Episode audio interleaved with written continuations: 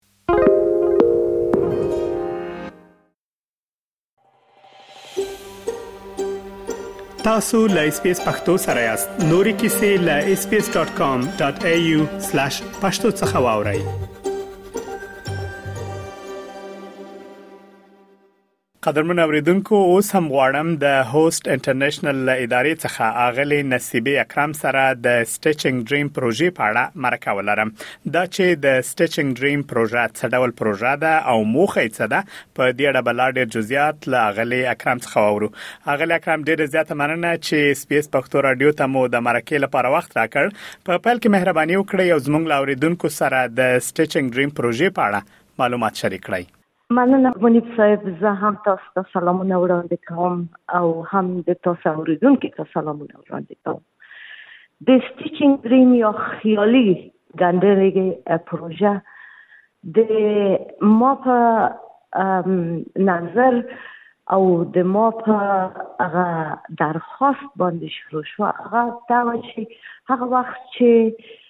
افغانستان نه دغه ایواکویز استرالیا ته ورسېدل او خوست خپل د کار او تحصیل پروژه د افغانانو لپاره بنا کړه ما ولیدل چې یو تعداد خویندې او میندې اصلا د دغو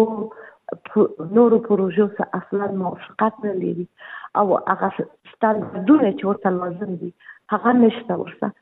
نو ما وغوښتل چې یوه پروژه شروع کړم چې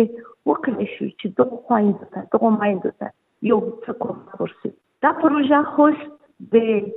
یوه بلې ارګنایزیشن په کمک چې هغه سوروپټمست انټرنیشنل اف هولز بی کلب چې زه د هغو کلب یوه غړې یم نو د دغو خویندو سره ما خبرې وکړي چې راشي او یو سلسله کمکونه د دغو افغانانو سره وکړه او په دو کې خشان شامل و دا و چې دوی ته خیاطي ورزده کو د دوی سره انګلیسي مکالمه ولیږي په مغه مهال چې مایندې دي د دوی اولادونه ورته وساتي او دوی هغه کاری شرایط برابر کار چه په استرالیا کې د یو مهاجر نه بلکې د یو استرالیایی سره په خوا په خوا یو ژوند ته مخکړه او دغه پروژه ته ما اساسا د خزو هغه ته چې افغان وومن اون د موو هغه هم درخواست ورکړ چې افغانان رجاوت کړو چې د پروژې تر داخل شي او په شروع کې موږ تقریبا پنځلس تن افغانان درلود چې په دغه پروژه کې د موږ سره کار شروع کړ او دوی ته ډېر کومکونه مهیا شول چې دوی ته مخ ولاړ شي په تاسف سره چې د افغانانو ځای نور وموله په آخر کې چې موږ پرون ورځ دې ته دغه سرتیفیکټونه ورکړل ما تنها درې افغانان کې ولیدل باقي موږ د ایرانیانو د کمیونټي نه د سومالیایانو د کمیونټي نه د فلیپینیانو د کمیونټي نه او د سریلانکایانو د کمیونټي نه زیاتره ښځې یعنی په دغه یو شتو تنو کې فقط درې افغانان پاتې چې وکړل وکړای شوی چې دغه پروژه ترسره کړو او دغه درس ولول نو دغه وخت نه چې ما د دوه پروژې تعداد کې خودو دا پروژه په می په اوس د سات کال می کې شروع شو او په ویشتم د نومبر چې پرونو دا پروژه تمام شو اغل اکرم ډیره زیاته مننه چې دغه پروژې په اړه مو عمومي معلومات شریک کړه کدی جزئیات ته را شو دغه پروژې اصلي موخه چې وه هغه څه و د دې ترڅنګ چې تاسو مهاجرو ته ګندل ورخودل نور یې څه زده کول آیا د انګلیسي ژبې مهارتونه هم زده کول او دغه کسان چې اوس فارغ شوي دي آیا دوی بیا کولای شي لاړ شي کار وکړي کار لپاره آماده دي ډیره مننه غوښتل مې چې دغه په اول قسمت کې داخله کوم ولې خبر ډیره وګدا شو نو هغه دې موږ په دوه کې دی چې انګلیسي مکالمه کاري شرایط په برخه کې معلومات د حسابداري په برخه کې معلومات د یو بزنس چلولو په برخه کې معلوماتونه هم دی ته ور وسپارل او ترینران هم راوستل چې دی ته دغه معلومات په خپله ژبه او چیرته چې ترینر په بل ژبه و ما خپل د ترجمان په حیث هر چهارشنبه د دې سکار کو مرام او مخه د دو د دو پروژې دا و چې اول ډیر مهمه برخه دغه و چې دوی د کوربه سره آشنا شي یو مهاجر د کوربه سره نږدې شي چې وکړای شي چې د دوی کلچر فرهنګ او اساساتو د ژوند سره آشنای پیدا کړو دوهم دا چې خپل زده کړه دی و چې د یو یو نوې زده کړه خپل پیاوړتیا ده کنه او د نوي ژوند لپاره په یو بل بیګانه کشور کې آماده کېدل دي چې د نوي محیط سره آشنایی ده دا هغه مهم نکات وو چې موږ کولای شو چې مثلا انګلیسي معلمان ورسره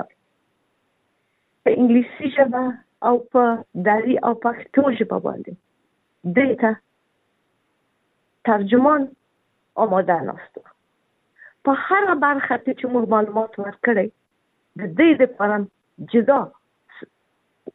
برخه ورکړی چې دی ته په خپل ژبه ولا د معلوماتونه ورکړل شي